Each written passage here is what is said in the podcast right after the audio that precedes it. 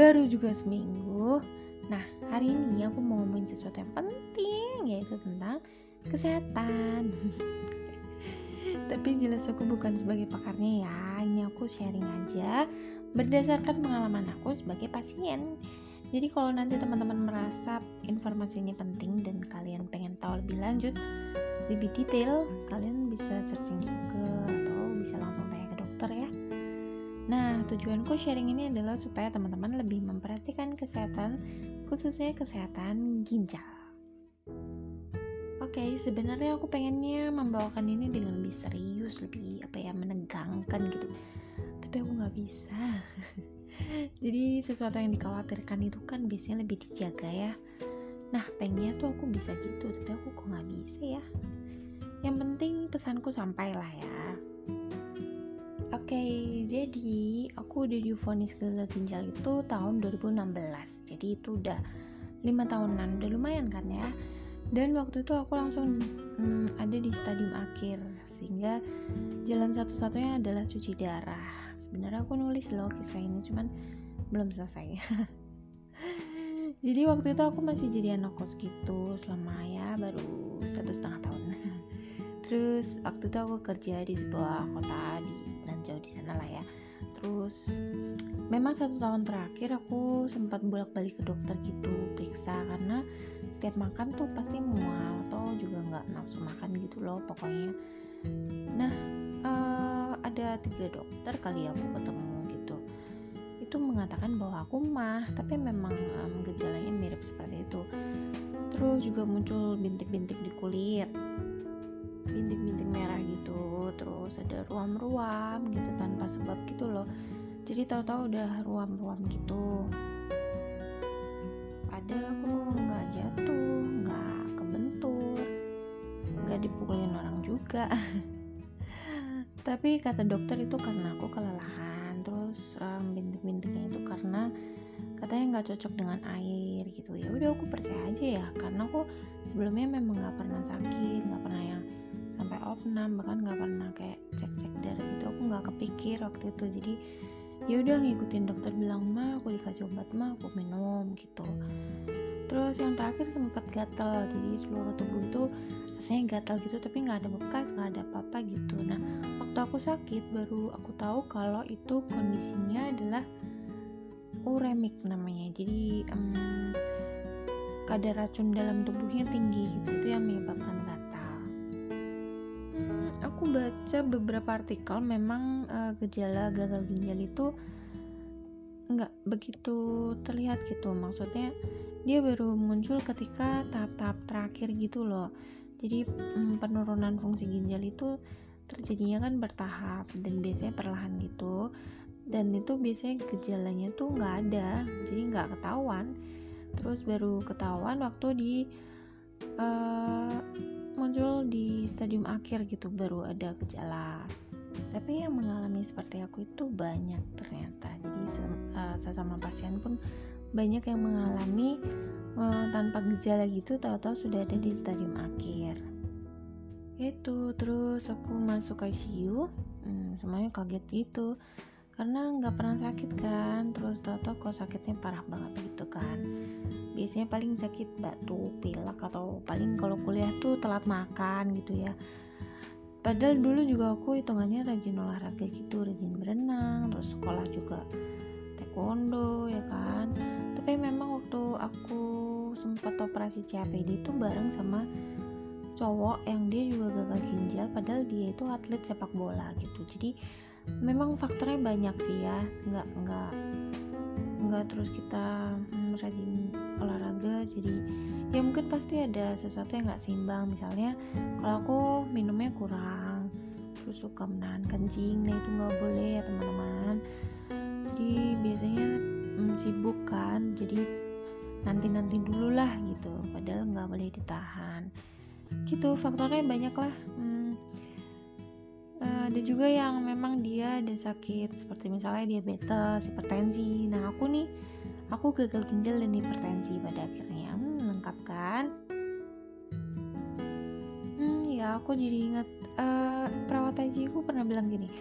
Istilahnya kalau mesin itu dipakai terus, itu tapi dia ada jadwal maintenance ya kan nah sama dengan ginjal kita gitu kita pakai terus itu tetap harus ada yang namanya perawatan misalnya dengan kita minum air putih yang cukup istirahat yang cukup gitu kan coba bayangin mesin yang dipakai terus menerus dan nggak dikasih oli pasti suatu hari akan rusak gitu gambarannya. Dan itu berlaku untuk seluruh bagian tubuh kita. Hmm? Hmm, gagal ginjal itu ada yang akut dan ada yang kronis. Nah kalau akut ditangani dengan baik itu bisa sembuh. Tapi kalau akut tidak ditangani dengan baik maka jadinya kronis kayak aku gini. Jadi kadang nggak ketahuan jadi nggak ditangani dengan baik jadinya kronis kronis tuh kondisi yang sudah permanen. Gitu. Terus gimana waktu itu? Waktu itu aku harus cuci darah. Aku cuci darah tuh selama 8 bulan rutin seminggu dua kali. Jadi itu cuci darah atau hemodialisa gitu itu pakai mesin gitu. Jadi aku harus ke rumah sakit. Terus ada mesin untuk cuci darah gitu. Darahnya dialirkan ke mesin tersebut terus mesin tersebut fungsinya untuk membuang racun terus cairan yang berlebih yang tertimbun dalam tubuh itu dibuang. Yang biasanya itu jadi tugasnya ginjal gitu. Jadi biasanya kalau orang normal cairan dan apa ya limbah atau apa racun racun yang ada dalam tubuh itu dibuang melalui urin melalui keringat gitu kan. Tapi kalau kami yang udah pasien ini nggak bisa karena kami biasanya udah kencing pun tapi sedikit gitu. Maka harus dibantu dengan cuci darah ini gitu dibantu dengan alat. Nah resikonya apa sih kalau nggak cuci darah? Ya otomatis racunnya tertimbun dalam tubuh dan cairan yang yang apa kita konsumsi juga menumpuk gitu. Nah yang bahaya adalah kalau cairan ini menumpuk berlebih itu pasti bengkak satu yang kedua oh di paru jadi paru uh, cairannya masuk ke paru gitu itu membuat sesak nafas kan. Dan harus segera ditangani gitu. Jadi gimana? Udah lumayan serem belum? Udah bikin kalian ingat minum air putih? Coba minum air putih dulu ya.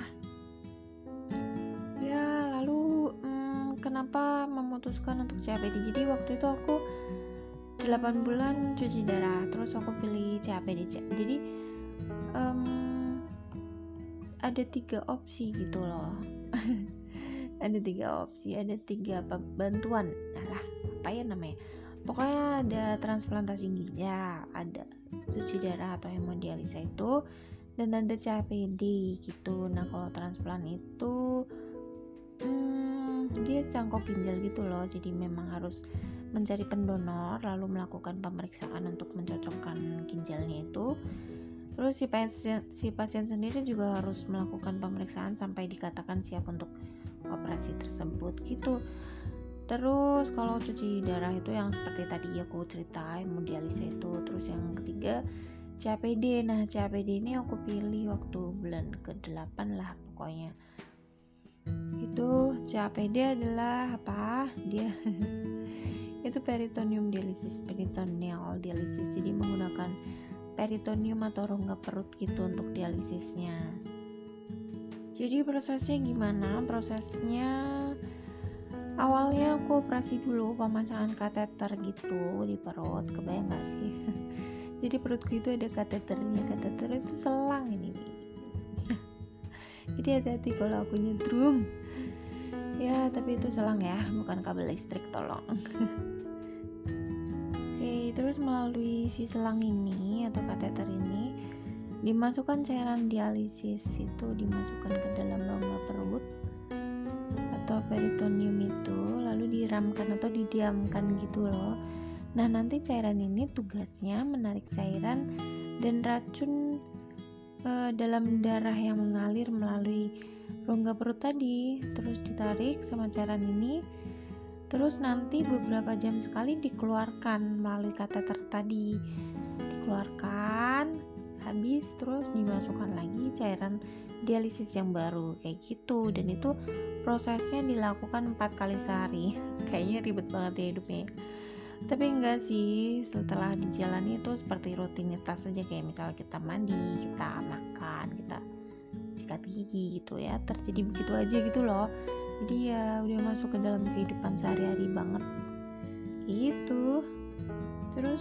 misalnya mau pergi ya tinggal dibawa aja gitu cairannya gitu terus ganti di di tempat tujuan atau mungkin di mobil gitulah. Jadi lebih mandiri sih memang rasanya daripada cuci darah. Cuman mas ya banyak yang tetap cuci darah karena mereka nggak mengalami masalah dengan itu gitu. Kalau aku waktu itu cukup banyak masalah kan sama sama apa cuci darah gitu loh. Karena prosesnya 5 jam terus aku ada hipertensi jadi pasti sekian lama tuh pusing gitu rasanya berat banget kepalanya. Terus juga aku sering HB-nya drop karena waktu itu makannya nggak nafsu jadi agak susah kan makannya sehingga HB-nya drop. Akhirnya sering transfusi darah gitu. Ya masing-masing pasien beda-beda ya. Uh, kalau aku uh, lebih memilih CABD ini tapi ini bukan ajangan CABD kan guys. Ini aku buat justru untuk mengingatkan teman-teman tentang menjaga kesehatan ginjal. Kita ternyata nggak boleh egois ya teman-teman. Hanya memakai tubuh kita aja tanpa kita perhatikan kebutuhan tubuh kita itu apa aja. Oh yang ngomong-ngomong kalian tahu gak sih ginjal kalian itu ada berapa?